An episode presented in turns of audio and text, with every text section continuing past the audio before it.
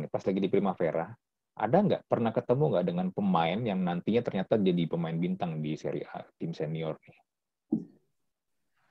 Saya saya terakhir bermain yang saya lihat yang langsung jadi idola itu adalah Del Piero. Saya kebetulan menjaga langsung Del Piero. Welcome to Talk to Talk Podcast. Let's talk now. Guys, episode kali ini kita kedatangan seorang legenda sepak bola Indonesia. Buat Anda penggemar sepak bola, terutama sepak bola Indonesia, pasti udah nggak asing lagi dengan sosok yang satu ini, Yeyen Tumena. Apa kabar Coach Yeyen? Alhamdulillah baik, sehat, uh, menikmati situasi yang ada. Sekarang gimana nih untuk sepak bola udah mulai ini ya, udah mulai tanding lagi ya tadi. Tadi ada apa? Piala Presiden ya. Eh Piala Menpora ya, Piala Menpora ya. Piala Menpora ya, oh. alhamdulillah sudah mulai kembali. Tapi uh, kita selalu yakin kok sepak bola itu akan selalu menemukan jalannya sendiri. Iya, betul betul betul betul. Karena sepak bola itu adalah salah satu industri yang besar banget, nggak mungkin lah sampai bisa mati ya. Ya, menghidupi orang banyak soalnya kan. Iya, iya, betul, betul, betul, betul, betul. Nah, ini di backgroundnya Coach Yeyen, sekarang kita panggilnya Coach Yeyen nih, karena udah jadi pelatih ya. backgroundnya jersinya Coach Yeyen Tumena nih, pas lagi masih di timnas Indonesia ya. Ya. Hmm, yang Adidas itu tadi sekilas sempat ngobrol di awal itu adalah dipakai sewaktu di PSSI Primavera ya. Betul. Iya, tahun 93 94. Nah, ini Coach Yayan ini kan adalah salah satu angkatan yang pernah ini ya, latihan pernah belajar ke Italia langsung nih dengan tim Primavera-nya nih. Ini ini kita nih pengen tahu nih gimana nih perjalanan karir Coach Yayan nih. Nah, itu sebelum masuk ke tim Primavera itu itu ceritanya gimana nih Coach? Kalau sebelum masuk itu sebenarnya uh, kita dipersiapkan ke Piala Pelajar dulu selalu hmm. yang uh, da dari hasil pemilihan dulu ada Piala uh, Menpora U17 hmm. yang pemain terbaiknya itu dipilih kemudian dikirim sebagai tim pelajar hmm. Indonesia di di pelajar Asia. Hmm. Uh, saya kebetulan dipilih melalui uh, kompetisi dulu ada Piala Menpora U17 yang uh, semifinalnya itu dilakukan di Senayan. Kebetulan hmm. saya mewakili PSP Padang. Hmm. Uh, kemudian ada yang lolos itu ada Persija, uh, Persema Malang sama uh, Magelang satu lagi empat hmm. besar. Eh, pada saat itu sebenarnya saya bukan bukan pemain utama ya, bukan pemain inti, bahkan usia saya waktu itu masih 15 karena yang main adalah U17 dan rata-rata itu ada teman satu dua angkatan di atas lah usianya. Hmm, hmm. Jadi saya lebih kepada pemain pengganti. Jadi kalau uh, untuk masuk ke level nasional itu kan dulu orang harus main di level uh, klub amatir yang sekarang namanya perserikatan. Iya iya. Uh-huh. Nah, maka saya dari Padang itu harus masuk ke PSB Padang. Sebenarnya saya adalah pemain binaan dari uh, Galatama Semen Padang. Hmm, hmm, hmm, hmm. Saya kemudian dari uh, kompetisi yang ada di Sumatera Barat. Saya terpilih waktu itu posisi saya masih striker. Oh iya, dulu posisi striker ya coach ya belum sebelum jadi striker. back ya. Hmm. ya. Ya, striker terpilihnya juga waktu pertandingan semifinal itu uh, saya nggak main dari awal karena kebetulan di posisinya saya striker itu adalah uh, kaptennya tim. Hmm, hmm. Jadi nggak nggak mungkin lah saya yang akan start dari awal dan itu adalah posisi kapten. Kemudian memang selama penyisian kita penyisian Sumatera itu di Medan lolos dan uh, memang perannya striker uh, kita ini yang uh, menciptakan salah satu gol yang membuat kita lolos. Hmm. Tapi yang namanya rezeki, yang namanya hoki, yang namanya laki uh, saya dimainkan mengganti yang namanya striker tadi yang kapten tim saya. Hmm. Dan uh, mungkin pada saat itu saya masuk merubah situasi, kemudian uh, dari tim talent scouting justru memanggil saya ikut seleksi ke tadinya buat piala pelajar sih belum ke Primavera, belum ke. Italia. Hmm. Uh, itu datang dari seluruh Indonesia di seleksi di Jakarta di Sawangan hampir ratusan pemain dibagi enam, enam tim ada puluhan pelatih pelatih hebat Indonesia di sana mulai dari Gusta Nurwindo, Bini Dolo, eh, semua pelatih senior ada di sana. Hmm, hmm. Kemudian mereka dibagi dalam enam tim dipertandingkan akhirnya memilih uh, satu skuad yang tadinya mau diberangkatkan ke Piala Asia. Hmm. Nah dalam perjalanan persiapan uh, muncul ide dari PSSI uh, mengirimkan tim ini berlatih di Italia karena uh, tidak ada kompetisi yang selevel yang bisa mengangkat performa ini sebelum main di Piala Asia pelajar itu. Hmm, hmm, hmm. Itulah awalnya kita dikirim ke Italia. Jadi sebelum Piala Asia itu di Kolombo Sri Lanka kita latihan satu bulan di Italia dulu. Hmm, hmm. Biasanya di Italia berangkatnya dari Italia baru ke Sri Lanka itu. Hmm, hmm. Itu berarti udah lang sebelum Sri Lanka itu berarti memang belum ini ya, belum ikut kompetisi Primaveranya berarti ya? Belum, itu masih persiapan ke hmm. sana hmm. juga masih presidennya kompetisi sana. Hmm. dan uh, satu bulan kita baru jalan ke mana ke Sri Lanka. Karena turnamen namanya turnamen Piala Asia pelajar itu kan sama kayak uh, eh, AFF begitu. Hmm. yang home turnamen kemudian dibagi dua grup. Kita uh, satu grup dengan Thailand kita uh, juara grup. Kemudian ketemu Korea kita kalahkan Korea akhirnya kita ke final ketemu Thailand lagi hmm. kita kalah uh, di extra time dengan uh, Thailand waktu hmm. itu hmm, hmm. tapi setelah itu kita kembali ke Italia untuk mulai ikut kompetisi yang Primavera itu hmm. nah nih di Italia nih Primavera nih ini gimana nih coach melihat situasi di sana. Nah, kan dari yang sebelumnya kita main di Indonesia, coach mainnya di Indonesia, terus tiba-tiba langsung pindah ke salah satu kompetisi waktu itu, apalagi Liga Italia ya. Liga Italia waktu itu tahun itu kan musim itu lagi sedang jaya-jayanya tuh tahun 90-an ya. Ya, ya uh, setelah Piala Dunia uh, di Italia tahun 90 kan kita datang ke sana itu setahun setelah 91 itu. Jadi masih masih terasa lah atmosfer Piala Dunianya dan e, memang saat itu Serie A adalah dianggap kompetisi yang paling mewah karena sebagian besar pemain-pemain yang lahir dari Piala Dunia itu kan bermain di Italia. Kita hmm. lihat waktu itu trio Belanda main di Milan, trio Jerman di Inter Milan, kan gitu. Hmm. hmm, hmm. Jadi memang uh, kompetisinya sedang top-topnya waktu itu karena banyak pemain dunia yang main di uh, Serie A. Hmm, hmm, hmm. Nah, terus gimana tuh untuk adaptasinya tuh coach kalau di sana?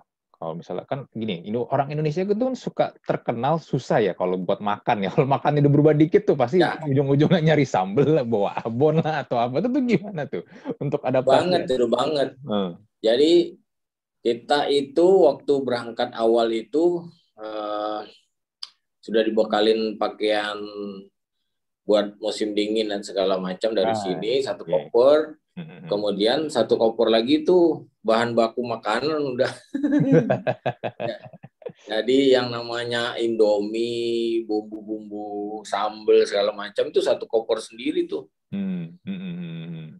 nah, itu yang memang uh, di awal sangat sulit dan uh, PSSI waktu itu memutuskan membawa uh, chief juga uh, di dapur yang bisa masak masakan Indonesia tapi hanya buat makan malam. Oh, oke. Okay. Jadi uh, tahun pertama adaptasinya masih hmm. makan nasi tapi malam. Tapi kalau sehari-harinya pagi sudah sarapan roti, telur, coklat, Nah, makan siangnya udah pasta, terus steak, kemudian malamnya itu baru nasi. Tapi hmm. satu minggu sekali di stop malamnya dengan makan pizza. Oh, oke. Okay. Pizza Italian beda ya sama pizza di sini ya? Beda banget, beda banget. Beda banget. Pizzanya boleh segede loyang begitu, uh. tapi tipis. Iya tipis. Hampir mirip kayak keripik ya sebenarnya pizzanya ya. Ya, uh. tipis ya. Dan uh, mereka masaknya bukan dari oven yang biasa ya. Mereka masaknya kan dengan kayu tuh. Hmm, iya betul betul pakai kayu. Kayu hmm, hmm. ke dalam dan memang berbeda lah, beda lah taste-nya dan lain-lain. Jadi uh, buat kami yang sudah kan kita hampir dua tahun setengah itu yang primavera hmm. itu sih kalau suruh makan pasta kemudian makan pizza tidak makan nasi sih udah lewat aja udah udah biasa karena sudah beradaptasi ya lidahnya ya. Hmm. Hmm. Nah ini yang menarik ini nih, menurut sumber yang bisa dipercaya nih dari semua tim Primavera ini, Coach Yeyan adalah salah satu sedikit orang yang bisa bahasa Itali? Enggak juga, cuman karena aktif dan masih ketemu dengan orang-orang yang uh, orang Itali atau hmm. komunikasi dengan teman-teman Itali, akhirnya saya lumayan lah karena uh, semuanya mendapatkan perlakuan yang sama. Jadi ketika kita uh, pagi habis latihan pagi itu masuk kelas itu belajar bahasa Itali semuanya hmm. sampai siang makan hmm. siang istirahat kita latihan sore malam baru belajar pelajaran sekolah karena waktu itu kan rata-rata masih eh, SMA dan ada juga yang SMP waktu itu hmm. jadi hmm.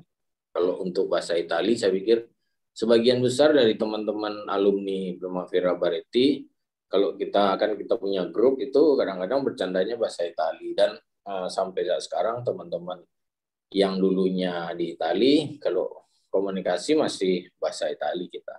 Hmm, hmm, hmm. Ini, ini menarik coach ya. Pas lagi 90 itu kan kayak tadi kita sempat bahas kan Liga Italia itu Serie A kan emang famous banget kan. Kita pun yang nonton di Indonesia pun jadi mulai ya emang nggak bukan bahasa Italia secara luas ya, tapi kita mulai paham ya. kan dengan istilah-istilah sepak bola di Italia. Ya, ya. Kayak misalnya striker, atakante, Ya. Pemain tengah centrocampista, back defensore, ya. kalau kiper Portiore sampai apa Amonito, Espulso itu kan ya. kita kita semua kita semua tahu itu. Karena saking saking begitu hebat ya Liga Italia ya. Nah, cuman yang jadi pertanyaan begini loh, eh, yang kalau yang coach Yayan lihat nih, kan coach Yayan juga ngerasain langsung kan pernah ngeliat langsung kan waktu itu situasinya gimana mereka bagaimana membangun sistem kan. Dan sekarang ini hmm. kan Liga Italia kan bener-bener gimana ya nggak bisa dibilang liga yang top lagi lah di Eropa lah. Kalah banget sama eh, Liga Spanyol dan Liga Inggris. Itu udah udah yeah. udah, udah udah jauh banget. Ini sebenarnya kalau yeah. yang coach Jayan lihat sebenarnya ada ada kenapa sih kok tiba-tiba ngedrop banget setelah tahun 2000 di atas tahun 2000-an? Ya. Uh, kalau yang kita lihat setelah tahun 2000-an itu mereka ada kalsiopoli yang akhirnya orang antipati terhadap uh, Serie A. Ternyata oh diatur apa dan segala hmm, macam hmm, kan. Setelah hmm. itu di ditata ulang dan uh, kalau kita lihat kebetulan saya sempat menjadi komentator di Bein Sport yang uh, menayangkan Liga Serie A dan uh, IPL Inggris, Liga Spanyol, Liga Jerman sebenarnya kalau dihitung produktivitas, Serie A itu lebih produktif dari Liga Inggris. Hmm. Uh, yang membedakan buat saya adalah di Inggris orang bermain dengan sangat cepat, hmm. kemudian di Italia bermain dengan taktikal, hmm. lebih taktik main bolanya, lebih kepada game plan. Nah, ke sini ke sini uh, Liga Inggris sudah mulai dengan uh, taktikal bahkan hadir pertama pelatih Itali atau pemain yang main di Itali kayak Rugulit uh, dan kawan-kawan itu di Chelsea itu yang hmm. menurut saya itu juga menjadi apa ya uh, sindrom berubahnya sepak bola Inggris. Hmm. Kalau yang uh, saya lihat kenapa menjadi top IPL karena bungkusannya, uh, promonya, hmm. kemudian marketingnya lebih baik ya bahkan dia bisa IPL ini mau mengorbankan jam mainnya supaya mendapatkan pasar Asia. Itu hmm. kan yang sekarang sudah coba dilakukan oleh Serie A walaupun terlambat. Hmm. Sekarang Serie A atau Liga Inggris dulu mau main jam 12 siang, yang penting ditonton oleh orang Asia. Hmm. Nah, sekarang Italia sudah mau melakukan itu. Makanya Italia naik lagi nih rankingnya. Kalau saya tidak salah, udah peringkat kedua setelah IPL. Justru meninggalkan Liga Spanyol, Prancis, dan lain-lain yang tidak mau beradaptasi dengan kebutuhan bangsa pasar Asia. Hmm. Italia udah mau main siang, tapi Spanyol nggak mau, Prancis juga belum, dan Jerman apalagi ya. Hmm. Hmm. Hmm. hmm. Jadi kalau kita lihat eh, bagaimana cara bermain, memang berbeda, lebih taktikal. Bahkan kalau kita hitung gol mereka per musim, hmm. Serie A itu lebih banyak dari IPL. Hmm. Hmm. Hmm. Artinya kan itu produktif sebenarnya. Betul, betul, betul. Tapi ini saya masih penasaran gini loh, Coach. Kalau perhatiinnya, dulu ya kalau tahun 90-an, penonton itu di stadion penuh loh. San Siro ya. atau dulu kan Juve ya. masih di Dele Alpi ya atau mungkin ya. tim-tim ya. kayak Roma, Olimpico dan Parma masih di Ennio ya. Tardini. Tapi sekarang ya kalau kita nonton Liga Italia ini sebelum Covid ya, kita bisa lihat kayak ya. di San Siro itu kan kapasitas sekitar 80 ribu ya kalau nggak salah ya, 80 ya. ribu orang ya. Tapi kadang-kadang kalau kita lihat itu kayak cuma keisi setengahnya loh. Cuma keisi setengahnya. Iya, itu itu memang ada kenapa ya? Memang apakah sekarang orang-orang Italia itu udah males nonton lagi ke stadion atau bagaimana sih itu? Kalau yang saya berkomunikasi dengan teman-teman yang di Italia, hmm.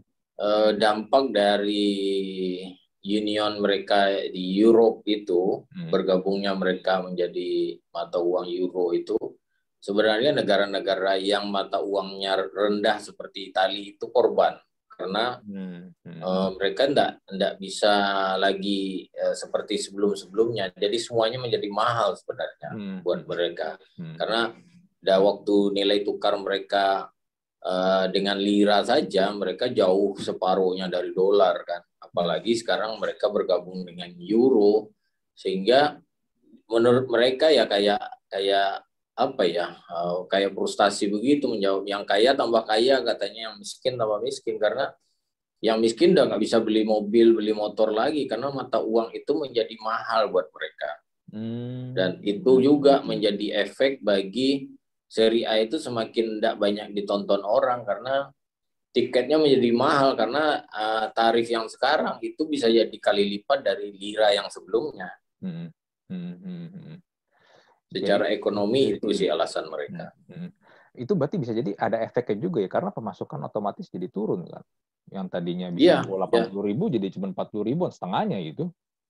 Otomatis dan itu yang membuat salah satu yang membuat kalau kita pernah lihat Parma menjadi bangkrut, hmm. beberapa tim uh, jadi sudah tidak bisa memenuhi kebutuhan timnya karena dulu penghasilan terbesar mereka dari tiket sama merchandise kan kemudian ya ada sponsorship lah dan lain-lain. Tapi ketika uh, apa tiketing mereka sudah mulai menurun, bahkan dulu mereka itu yang paling duluan membuat kalau nggak salah saya itu membuat tiket terusan. Jadi orang beli uh, tiket satu musim. Hmm, iya betul betul. Nah, tiket musiman. Itu ya. yang jualan yang mereka lakukan dan uh, ini yang uh, menurut mereka itu sudah tidak uh, banyak lagi peminatnya. Jadi orang membeli tiketnya lihat pertandingannya karena mahal tadi daripada beli hmm. semuanya mending beli partai-partai penting aja atau derby-derby yang menurut mereka itu jauh lebih menarik gitu. Hmm, hmm, hmm, hmm. betul betul. Uh, tapi jujur ya, saya sedih loh lihat Serie A kayak gitu loh. Saya suka sepak bola tuh sebenarnya awalnya karena Serie A juga. Pemain pertama yang saya suka, yang saya idolakan banget tuh Gabriel Batistuta pas lagi di Fiorentina. Hmm. Tapi ya, ya. ngelihat Seri A kayak sekarang ini itu benar-benar sedih banget. Saya saya pernah berapa kali lihat tim Seri A ya di luar Juve, Inter atau Milan ya, coach. Ya. Itu mereka tuh mainnya gimana ya, coach ya? Kayak kayak tarkam loh, serius. Kayak misalnya tim-tim yang bukan di di luar tiga tadi ya, tiga tim itu ya. Benar-benar mainnya tuh nggak nggak jelas gitu. Kalau dulu kan kita ada namanya ini ya, Il Sette Magnifico kalau nggak salah istilahnya ya, The Seven, yeah. The Seven Magnificent kan ada Juve, Juve, yeah. Milan, Inter, Roma, Lazio, Parma, Fiorentina kan tujuh tim yeah. itu kan yang bersaing kan sekarang. Yeah. Mereka pun udah nggak bisa memberikan permainan yang menarik lagi sekarang ini. Ya, ya setuju saya karena eh, banyak orang melihat eh, permainan di luar tim-tim yang punya budget banyak untuk mendatangkan pemain sebagai daya tarik uh, bermain lebih uh, apalagi sekarang tren sepak bolanya menjadi lebih defensif ya mm-hmm. kan memang orang kenal uh, sepak bola Italia itu bahwa sepak bola yang sangat-sangat defensif dan sulit untuk ditembus oleh penyerang lawan bahkan kalau kita lihat banyak striker-striker hebat di Inggris sebelumnya dia nggak sukses di Itali. Hmm, hmm, uh, Bergkamp, Thierry Henry. Iya iya. iya. Uh, ya mereka itu nggak sukses ketika main di Itali karena uh, orang Itali kata kata pengamat sepak bola dan para pelatih orang Itali udah nggak perlu diajarin bagaimana bertahan itu udah uh, dari nenek moyangnya mereka sudah diajarkan pertahanan iya, dengan iya, iya.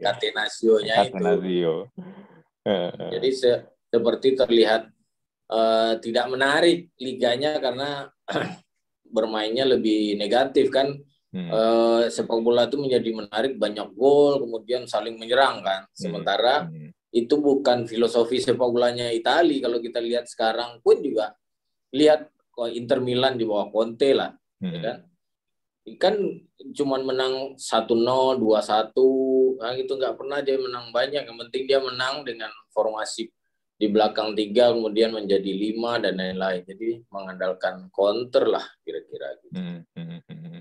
walaupun dulu pas 90-an juga sebenarnya banyak tim-tim Serie A yang penyerang permainan menyerangnya juga bagus-bagus ya zaman-zaman Juve ya. masih dipegang sama Marcelo Lippi Milan pas lagi masih zaman-zaman Arrigo Sacchi dan Capello ya. itu kan terkenal banget tuh dengan ya. ini ya sound press-nya yang gila-gilaan itu. Ya. Nah, coach, uh, yang coach kan di Primavera ngelihat kan mereka bagaimana berlatih bibit-bibit mudanya kan juga dilatih kan juga dikembangin juga dari kompetisi Primavera nih. Nah, coach sendiri yang lihat nih apa sih yang membuat mereka ini begitu luar biasa banget nih selain memang tadi kan coach juga sempat bilang filosofi Catenaccio itu udah ditanamkan udah dari dulu gitu loh. Ya, uh, pembinaan di Itali, hmm. di Eropa lah pada umumnya itu hmm. apalagi saat sekarang mereka sudah memanfaatkan semua sains IT dan lain-lain sehingga hmm. Hmm. kalau di kita eh, pembinaan itu masih piramida masih mengerucut ke atas kalau ada 20 yang jadi paling 2 3 orang kalau mereka Eropa Italia kalau mereka oh, pola pembinaannya udah kayak gedung lurus hmm. kalau 20 dibina 20 yang jadi hmm. Hmm. Karena itu tadi mereka percaya sekali dengan uh, bantuan teknologi IT, uh, sains dan lain-lain itu dan itu ada di mereka misalnya kayak Milan mereka punya Milan Lab, hmm. kemudian uh, Juve atau tim-tim besar lah yang mereka menganggap bahwa pemain itu adalah investasi dan investasi itu mereka harus jaga kan? Itu yang yang mereka sudah lakukan di puluhan tahun yang lalu di saat-saat setelah Piala Dunia di sana itu. Semua tim rata-rata sangat detail dalam hal-hal yang kecil itu. Bahkan kalau kita melihat bagaimana mereka membuat pembinaan kompetisi kelompok umur dan lain-lain itu sangat tertata dengan baik itu saya pikir yang membuat eh, Italia menjadi salah satu lumbung sepak bola bahkan waktu tahun 90-an itu pemain Italia itu nggak mau main keluar. Mereka merasa hmm. e, negaranya adalah surga buat mereka kan belum ada setelah setelah e, beberapa pemain keluar ke Liga Inggris sebelumnya kan nggak nggak ada pemain yang top di luar Inggris. Hmm, betul betul. Hmm. Rata-rata top di Serie A semua ya. Betul. Hmm, hmm. Nah, coach apa yang didapetin dari selama ikut kompetisi Primavera nih buat coach sendiri nih? Yang pertama yang saya belajar itu adalah bagaimana uh, regulasi yang dibuat oleh uh, hmm. FIGC atau PSSI-nya Itali hmm. itu melindungi pemain. Jadi ketika kami datang pertama ke sana hmm. itu pemain sangat dilindungi sekali oleh wasit. Banyak sekali fluid berbunyi ketika pemain dipegang saja pundaknya hmm. atau kita tarik apa itu langsung free kick, langsung free kick, langsung free kick. Dan uh, itu yang membuat pemain-pemain di sana lebih safety ya bermain bola dengan teknik individunya karena dilindungi sekali oleh wasit. Hmm. Dan kemudian mereka setelah mendapatkan hal-hal yang memancing orang untuk mendapatkan free kick dengan diving-diving yang banyak mereka lakukan karena saking proteknya wasit, hmm. hal itu menjadi hal yang membuat mereka menjadi tricky. Nah, dari situ mereka berpikir untuk bisa mendapatkan free kick free kick itu berada di sekeliling gawang yang hmm. yang mereka hmm. lakukan latihan berjam-jam, berhari-hari, berbulan-bulan untuk dapat menciptakan gol dari sana. Jadi itu yang pertama sekali yang kita lihat, oh ternyata mereka bermain dengan skill kemudian memanfaatkan setiap momen dari free kick. Jadi kita pernah kalah dengan Fiorentina itu, kalah 7-0. Hmm. Tujuh-tujuhnya gol itu dari free kick yang kita lakukan di depan gawang sendiri. Gila ya.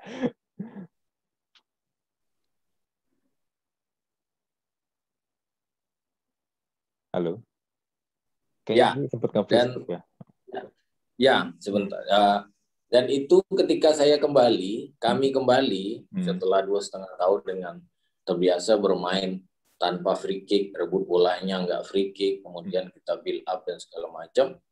Itu saya rasakan di tahun pertama saya bermain di Liga Indonesia hmm. tahun 96 hmm. itu di PSM di tim yang orang bilang adalah permainan yang sangat keras, gitu kan, tim yang sangat keras. Hmm. Tapi saya merasakan dengan apa yang saya dapatkan di Itali, saya tidak bermain keras tapi tidak bisa dilewati orang dan dalam satu musim saya main hampir semua pertandingan itu saya hanya mendapatkan satu kartu kuning saja. Hmm. Hmm, hmm. Sementara teman-teman saya udah ada istirahat berapa kali karena kartu merah, akumulasi kartu dan lain-lain. Hmm. Nah, ini menarik nih. Berarti untuk seperti itu aja mereka melatih ya, melatihnya ya, ya. untuk seperti itu doang ya, untuk mendapatkan free kick nih. Makanya nggak heran kalau dulu kan sering dibilang kalau pelatih-pelatih di luar Italia itu, kalau tim-tim luar Italia kadang-kadang suka sebel sama orang-orang Italia, pemain Italia karena mereka di, suka disebut licik ya, kayak Filippo Inzaghi ya, lah ya. yang suka nyelip ya. di mana-mana terus tiba-tiba dia Betul. sering dibilang diving lah jatuh lah, tapi itu memang mereka Betul. melatihnya ya dilatih memang hmm. di sana bahwasanya uh, momen set piece itu adalah momen yang buat mereka kalau uh, tim bermain dengan level yang sama, kemudian hmm. taktikalnya hampir mirip, ke, ke apa kekuatan timnya sama, maka mencuri kemenangan itu hmm. hanya melalui set piece. Hmm. Hmm. Nah, coach nih, nih, nih, saya penasaran nih. Pas lagi di Primavera, ada nggak pernah ketemu nggak dengan pemain yang nantinya ternyata jadi pemain bintang di Serie A tim senior nih?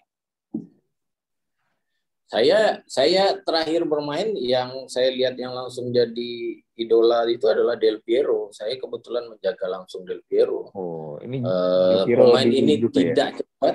Hmm, hmm. Ya, main di Primavera-nya Juve, hmm. main tidak cepat, tapi technical dan keputusannya sangat cepat.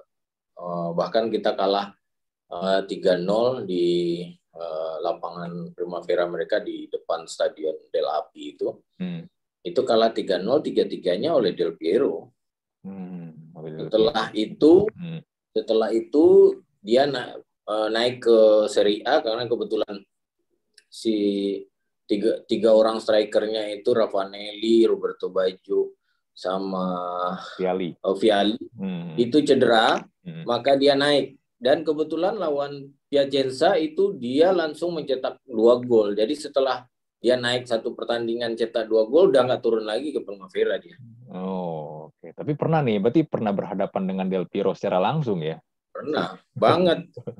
Ingat banget. Kemudian hmm, hmm. ada pemain lain, Totti juga ketika kita ada turnamen di Viareggio itu lawan uh, AS Roma, hmm. Totti kita ketemu Totti. Jadi hampir semua Takinardi, hampir semua pemain Serie A itu dia melewati karirnya di uh, Primavera. Hmm, hmm. Dan ada regulasi yang membuat uh, Primavera itu ditonton orang karena tiga pemain Serie A boleh turun main di Primavera.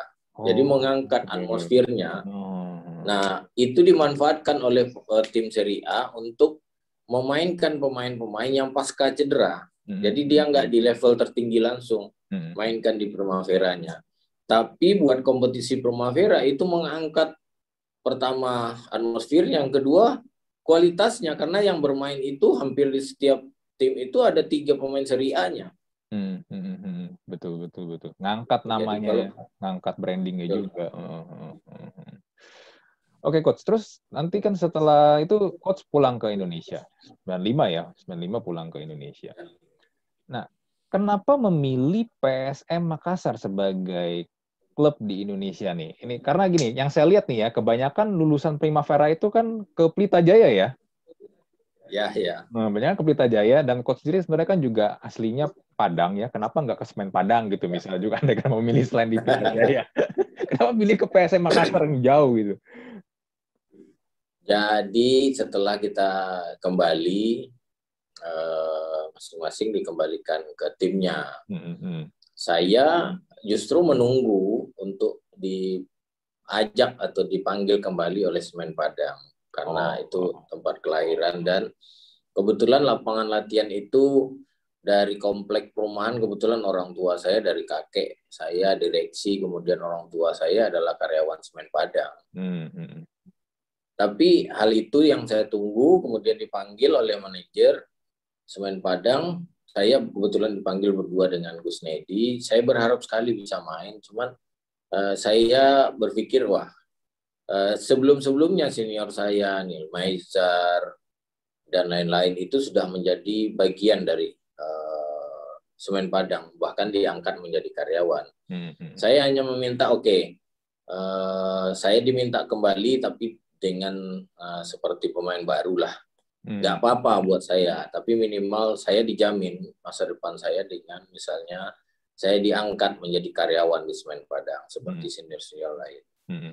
Uh, serta merta langsung ditolak hari itu dan menurut saya ya sudah berarti kan memang saya tidak uh, dibutuhkan di tim itu dan saya menunggu hmm. tapi tidak ada jawaban justru ada pemain yang tidak ke Primavera uh, datang dari uh, Ragunan juga dengan kami sama hmm. justru dihargai dan di dikasih kesempatan menjadi karyawan itu yang membuat saya loh karena saya putra daerah kemudian saya tidak mendapatkan apa yang uh, orang lain dapatkan nggak apa-apa hmm. kemudian selang dua hari saya mendapatkan uh, telepon dari Pelita bersama Gus Nedi.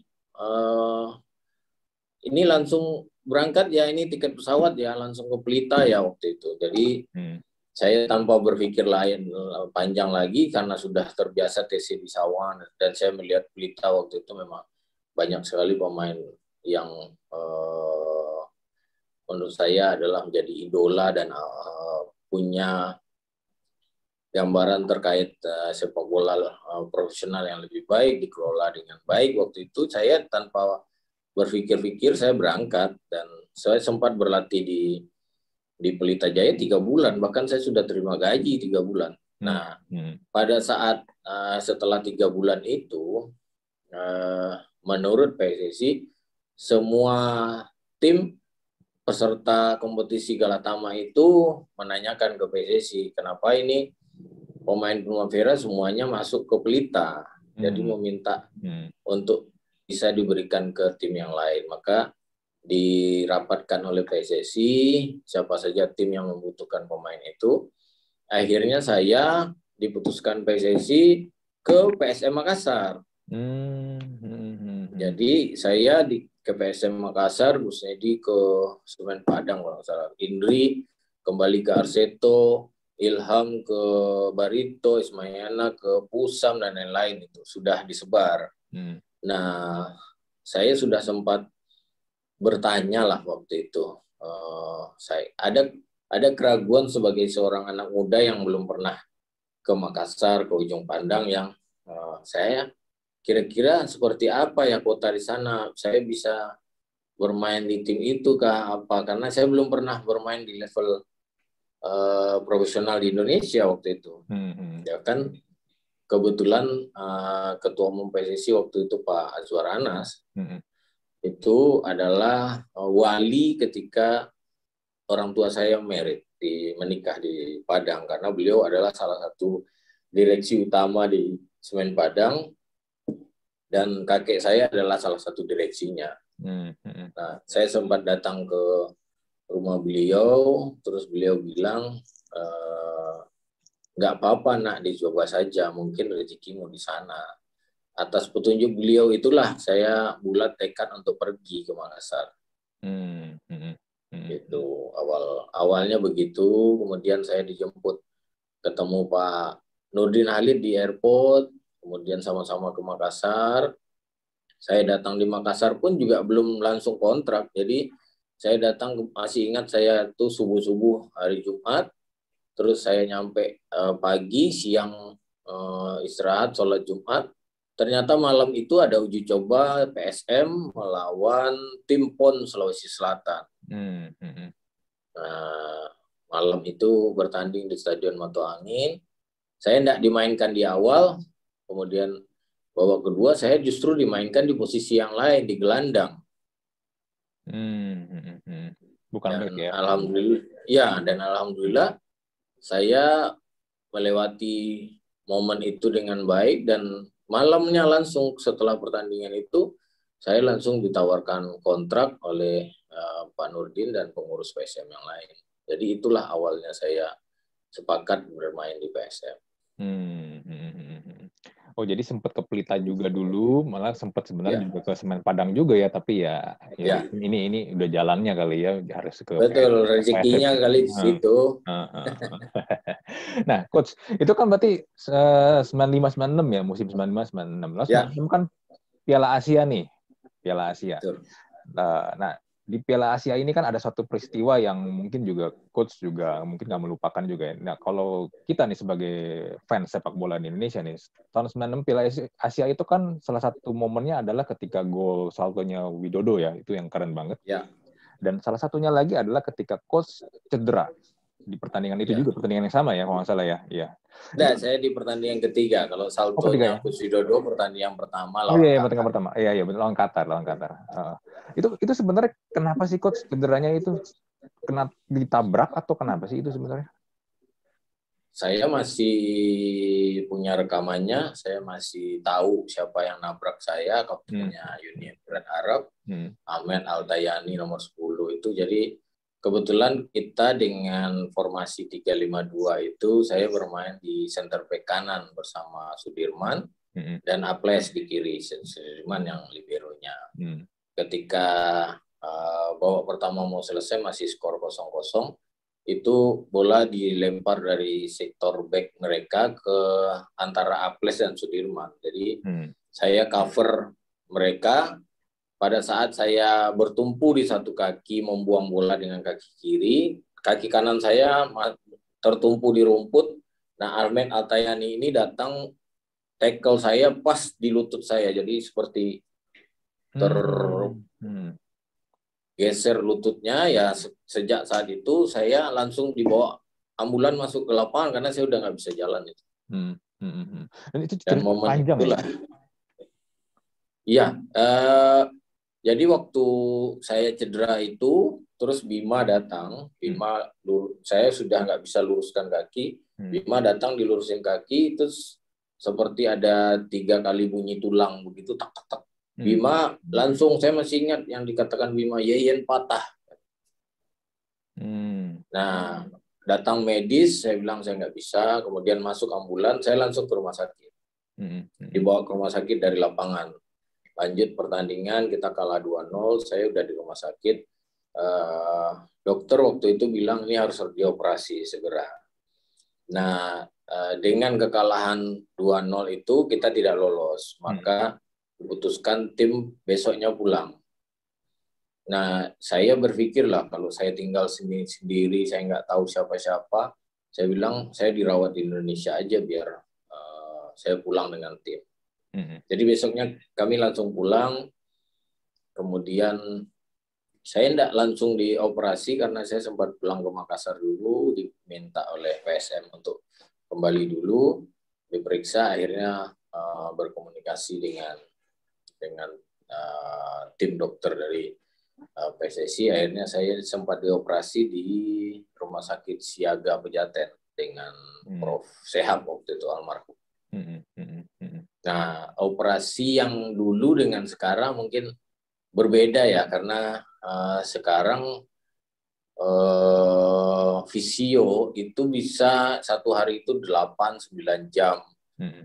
Uh, kemudian rehab pasca cederanya itu yang yang waktu dulu itu sangat sulit bahkan ketika saya cedera orang udah bilang saya udah nggak bisa main bola lagi hmm. dan banyak banyak contoh senior senior saya sebelum saya itu warta apa dan segala macam itu memang udah nggak bisa main bola. Tapi hmm. karena saya bilang ini bisa kok saya punya tekad sendiri. Tapi memang agak lama ketika saya kembali setelah operasi empat bulan eh, dokter bilang baru bisa olahraga. Saya kembali ke Makassar.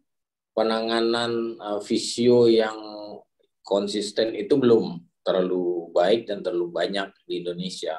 Hmm. Bahkan saya sempat di Makassar itu kerjaannya saya hanya visio, berenang, gym, visio, berenang, gym. Uh, bahkan uh, kebetulan karena seringnya saya visio dan alat-alatnya belum terlalu lengkap, saya bahkan disarankan oleh uh, visionya itu kebetulan dia dosen uh, Universitas uh, Fisiologi di di Makassar, kemudian mereka mendapatkan sumbangan alat-alat dari Belanda lalu visio. Saya disarankan ke uh, universitasnya. Hmm. Di sana malah ada laser, ada terapi air apa dan segala macam. Nah di situ yang sangat membantu banget buat saya. Akhirnya hmm. uh, kurang lebih itu 10 bulan saya baru bisa pulih dari cedera itu. Hmm. Itu rasanya gimana coach? 10 bulan nggak bisa ngapa-ngapain. Pasti rasa pengen main itu kuat banget ya. Oh, gue pengen main nih, saya pengen, saya pengen main nih, tapi nggak bisa main. Itu tuh itu rasanya gimana sih kalau cedera lama begitu tuh? Itu yang saya alami. Jadi eh, makanya saya tidak dianjurkan untuk ke lapangan. Makanya saya hanya olahraganya kolam renang atau gym hmm. atau sepeda statis. Hmm cuman itu saja pernah saya coba untuk berlari dan uh, sempat uh, kambuh kembali itu yang membuat saya lama untuk kembali ini jadi hmm. kalau kalau standarnya adalah uh, otot saya harus dikembalikan utuh dulu untuk bisa bertumpu di kaki yang cedera itu jadi kalau ada hmm. cedera di salah satu kaki maka uh, otot pahanya itu atau betisnya itu mengecil hmm. Hmm Nah, itu harus dikembalikan utuh sama dengan kaki sebelahnya, kaki kirinya. Baru dia boleh bertumpu dan uh, berlari normal. Nah, itu yang membuat saya dulunya orang kanan, akhirnya saya sekarang bisa bermain dengan kiri karena waktu kaki hmm. saya kanan sakit, saya lebih banyak memainkan kaki kiri traumanya hmm. yang lama. Hmm. Kemudian uh, mengobati untuk bisa lama tidak bermain kemudian datang ke lapangan rasa takut dan segala macam itu dulu belum ada uh, psikolog khusus sepak bola hmm. yang membantu atlet hmm. hmm. untuk keluar dari tekanan itu kalau sekarang udah banyak bahkan uh, banyak tempat orang visio operasi artroskopi dua bulan tiga bulan udah bisa main kalau hmm. dulu memang sama sekali belum banyak dan belum banyak pengalaman dan belum ada yang spesialis sepak bola. Hmm. Hmm. Gitu. Hmm. Nah, Bahkan itu... itu menurut saya menjadi momen yang apa ya ada plus minus lah karena saya cedera itu lama sehingga saya bisa menyelesaikan kuliah saya saya bisa KKN hmm. uh, tiga bulan di daerah kemudian saya menyelesaikan studi salah ya saya lah akhirnya di tahun 2000 saya sarjana di Makassar. Hmm. Hmm, hmm, hmm, hmm. hmm. Pesepak bola yang juga sarjana ya. Iya iya iya iya.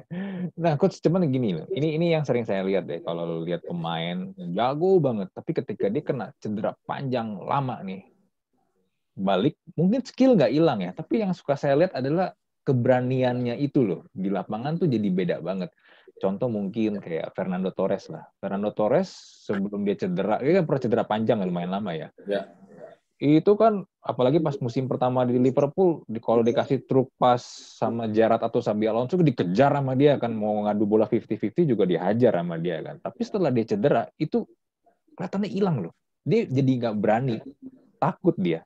Ngerasain kayak gitu juga nggak sih coach iya banget. Saya pertama saya bermain setelah istirahat 10 bulan itu hmm. kita ikut uh, turnamen Piala Gubernur Sumatera Utara kalau nggak salah itu hmm. dengan PSM dan pas pertandingannya saya main kemudian hujan lagi lapangan basah. Nah, itu membuat hmm. saya aduh saya ditabrak gimana ya? Nggak ditabrak gimana ya? Apa? Jadi itu momen yang saya memulai untuk beradaptasi dengan lapangan becek ketika setelah uh, cedera lutut kan hmm. pelan-pelan dari situ akhirnya oh ternyata saya jatuh nggak apa-apa, ternyata saya ditabrak nggak apa-apa. Nah momen itu yang oh, butuh waktu mungkin bagi pemain-pemain itu dia mau hmm. harus menemukan momen yang di mana keraguan-raguan kalau bola-bola di awal-awal kalau bola 50-50 gitu kita nggak mau masuk. Hmm. Kemudian uh, kalau ada yang kita anggap ini bola tanggung, bolanya berisiko, kita tuh justru nggak sama sekali pede dalam hal itu karena masih membawa psikis dari cedera itu karena lama bawaannya. Hmm, hmm, hmm. Dan itu untuk mengatasi tadi kan kau sempat bilang kan ada psikolog juga kan. Nah itu proses Betul. itu itu gimana nanti coach misalnya ini habis di pertandingan nih, apakah langsung ketemu psikolog cerita gitu atau gimana sih kalau untuk proses untuk psikologi? Kalau saya enggak, kalau saya enggak pernah mendapatkan pendampingan psikologi. Kalau sekarang hmm. itu justru uh, setelah dia operasi, dia visio, bahkan ada pendampingan psikologi dan hmm. uh, setelah pasca cedera itu ada sertifikat bahwasanya ini pemain udah layak uh, hmm. bisa main atau tidak. Sekarang udah seperti itu. Kalau dulu setelah kita operasi kemudian uh, datang waktunya empat bulan saya datang kembali ke dokter cuman dia bilang coba loncat coba berdiri satu kaki oh udah bisa ini nah hmm. Hmm. Itu saja yang menjadi patokannya dokter. Sementara kan hmm. dokter tidak orang yang ada di lapangan yang melihat hmm. kegiatannya. Bahkan hmm. dokter bilang kalau saya bilang uh, empat bulan berarti harus dikali dua karena hmm. empat bulan itu adalah untuk orang jalan normal. Hmm. Hmm. Sementara kita melakukan aktivitas kontak body yang risikonya bermacam-macam, putar balik dan segala macam, maka yang lebih tahu itu sakit, itu sudah bisa, itu sudah layak dan segala macam hanya diri sendiri waktu itu masih seperti itu. Hmm. Nah, dengan kondisi seperti itu sempat kepikiran ini nggak sih pengen berhenti dari bola?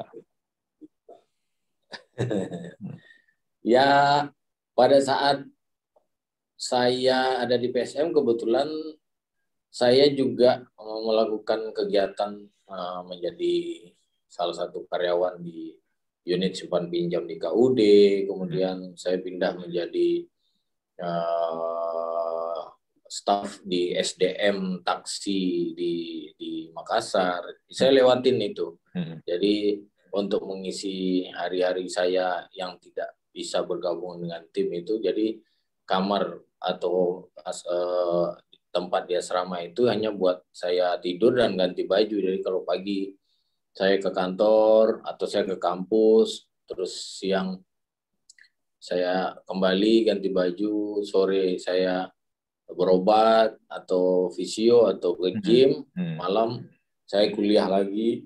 Ya hari-hari itu yang saya isi dengan kegiatan-kegiatan itu, apalagi waktu itu banyak teman lah setelah saya aktif di kampus hmm. masih pergaulannya menambah ya bertambah lah dan hmm. aktif di kantor pun juga jadi kesibukan itu yang menutupin uh, kejenuhan saya di sepak bola yang nggak bisa dilakukan. Hmm, hmm, hmm, hmm, hmm. Nah kalau kita ngomong ngobrol tentang PSM Makassar nih, PSM Makassar ini kan boleh dibilang salah satu tim top lah di Liga Indonesia ya. Pernah masuk final 96-97 ya. Waktu itu berarti coach masih cedera ya, belum main belum main ya waktu itu ya. Oh enggak, yang yang final Liga 2 itu kan saya kaptennya. Oh, oh, oh. oh.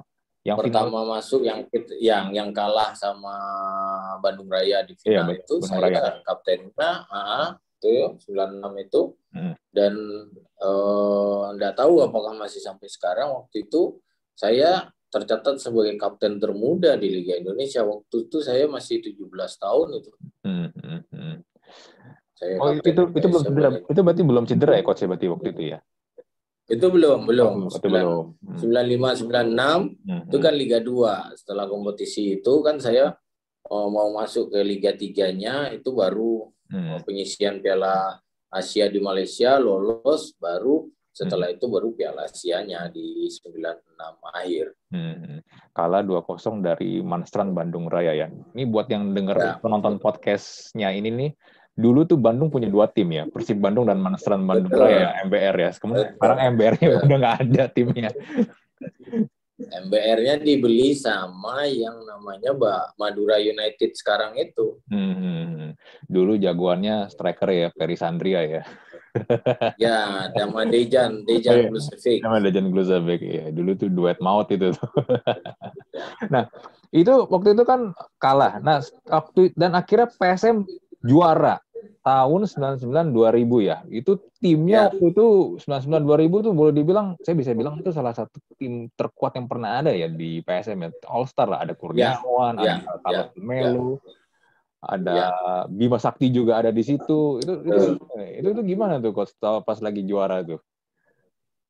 Jadi sejak uh, 96 97 itu kan terakhir Pak Nurdin Eh, ke PSSI, kemudian ditinggalkan PSM, dikelola oleh uh, pengelola yang baru. Saya masih ada di PSM terus, hmm. Hmm. Kan, dengan kondisi yang uh, seperti itu. Jadi belum berprestasi seperti sebelumnya di 95-96. Terus 97 kita masih masuk ke semifinal. Uh, kemudian setelah itu turun ke 10 besar, 8 besar dan lain-lain. Nah, Eh, setelah tahun 99 kembali dipegang oleh Pak Nurdin, akhirnya saya yang kasih masukan untuk membawa teman-teman yang dari Pelita itu Kurniawan, hmm. uh, Bento, kemudian sempat Ansari datang, kemudian Alek Pulalo, tapi setelah itu berganti dengan uh, Kuncoro, Aji Santoso, Carlos De Melo, uh, Fodana Sama, nah itu awal di mana ya dikumpulkanlah pemain-pemain terbaik yang ada di klub waktu itu. Hmm, hmm. Dan alhamdulillah itulah juara dan saat juara itu saya pun juga uh, selesai sarjana dan uh, selesai juga apa perjuangan saya di Makassar. Setelah itu saya akhirnya pindah ke ke kota metropolitan bermain di Persikota. Hmm, hmm, hmm, hmm. Gimana rasanya coach juara Liga Indonesia setelah menanti bertahun-tahun dan juga pernah kena cedera panjang? Ya alhamdulillah ya maksud saya saya pernah ada di sebuah pertandingan final hmm. yang saya gagal dan akhirnya kita ada di final dan akhirnya kita sukses. Hmm. Saya pikir ini sebuah perjuangan bahkan perjalanan saya ke selama di PSM yang tadinya uh, di awal sangat manis kemudian sempat mengalami cedera kemudian uh, ya di tengah-tengah ketika pengelolaan tidak dengan Pak Nurdin dan lain-lain sempat ya kurang kurang mendapatkan perhatian dan lain-lain tapi saya jalanin itu hmm. dengan ya dengan keyakinan lah orang bilang saya nggak bisa main dan segala macamnya Hmm. Dan akhirnya di tahun 1999 eh 2000 saya bisa kembali dan uh, tim itu juara. Saya pikir uh, proses itu menjadi hal yang uh, sangat mahal buat saya. Hmm. Saya bisa kembali ke ke jalur yang bisa bermain bola secara profesional. Kemudian saya juga menyelesaikan kuliah saya menjadi sarjana. Jadi ada dua hal yang yang saya dapat di sana positif dan negatifnya tapi saya bisa melewati itu hmm. dan uh, pengalaman itulah dengan sarjananya saya saya bisa melewati lima musim dengan berbagai macam grafik itu yang membuat saya ada di posisi sekarang. Hmm. Hmm. Berarti ditempa ditempa banget ya pas lagi di PSM itu ya. ya. Dan lalu setelah di PSM ke Persikota. Persikota semusim doang ya? Dua musim saya. Oh, dua musim, dua musim. Oh ya, 2001 2022 ya. ya. Eh 2002 ya. Ah, ya. Ya. Lalu Persikota, dari di Persikota gimana tuh coach? Di Persikota kebetulan saya sempat menjadi staf uh, di Dinas Tata Kota Tangerang, Kota Tangerangnya hmm. bersama Marwal waktu itu dua tahun dan uh, dapat dua pemasukan saya dari dari apa dari kantor dinas tata kota sama kontrak di Persikota hmm. uh, itu uh, sebagai apa ya batu loncatan saya kembali bermain di, dilihat orang lain tidak jauh di di Makassar lagi dan uh, sorotan itu kembali memberikan kesempatan saya bahkan uh, bisa mempunyai alternatif lain untuk bisa bermain di klub-klub lain sampai Hmm. Saya bisa bermain ke Persebaya, PSMS, hmm. kemudian bermain di Persija setelah itu. Hmm. Hmm. Ya, setelah Persija lalu terakhir di Persma Manado ya, klub terakhir. Ya, Persma Manado saya lebih di itu pun juga separuh musim saja itu. Hmm. Tapi biar gimana pun kalau meng, nama Yayan Tumena tuh selalu identik dengan PSM Makassar sih. biar bagaimanapun ya. karena ya kalau tadi juga kita ngobrol cerita coach Yayan tadi ya memang nggak salah sih identik banget karena jatuh bangunnya pun prestasi pun juga puncaknya semua di situ ya. Ya, ya. Hmm, hmm. Nah lalu setelah dari Persma Manado langsung memutuskan untuk menjadi pelatih, ambil kepelatihan atau gimana coach? Atau sempat ada jeda gitu? Jadi jadi di tahun 2006 saat di Persija saya terus eh, 2007 saya sempat main di dulu 2006 sih waktu itu kebetulan teman saya sudah masukkan kebetulan uh, teman-teman yang membantu Pak Nurdin juga ditarik ke PSSI kebetulan hmm. Pak Nurdin menjadi ketua umum PSSI hmm. dan marketingnya itu teman saya pada saat 2006 uh, eh, Indonesia itu bidding jadi tuan rumah Piala Asia hmm. untuk 2027 hmm Nah, teman saya bilang kalau ini lolos bantu ya kita sama-sama ya di PSSI di marketing untuk sukseskan Piala Asia. Hmm. Nah, pas di 2007 saya sudah bermain di Manado, teman saya bilang kita lolos nih eh, ditunjuk menjadi tuan rumah di 2007 menjadi tuan rumah Piala Asia. Ayo gabung ke PSSI. Nah, eh, ketika saya sudah uh, kontrak dengan Manado dan diputuskan kompetisi stop uh, satu bulan untuk persiapan uh, tuan rumah Piala hmm. Asia. Nah, hmm. di situ saya akhirnya menyatakan uh, mundur dari Persema Manado untuk uh, paruh musim kedua. Hmm. Dan saya masuk ke kepengurusan bekerja mungkin orang enggak enggak yakin saya bisa melakukannya karena Oh, saya masuk ke bidang yang bukan sepak bola di marketing saya. Hmm. hmm. Dibantu oleh teman saya mulai belajar berada di belakang meja dan segala macam. Tapi tidak gampang. Saya butuh waktu kurang lebih tiga bulan lah beradaptasi dengan uh, situasi di kantor dan lain-lain itu. Uh, bahkan setelah itu ada tawaran sebenarnya di 2007 setelah Piala Asia itu untuk bermain di delapan besar Liga 2 hmm. eh, yang tawarannya itu lumayan besar sebenarnya. Hmm. Eh, cuman saya berpikir saya tidak akan menutup karir dengan bermain di level yang paling bawah sehingga saya memutuskan tidak usah deh saya cukup tutup karir saya di tetap bermain di level tertinggi tidak mau turun ke bawah.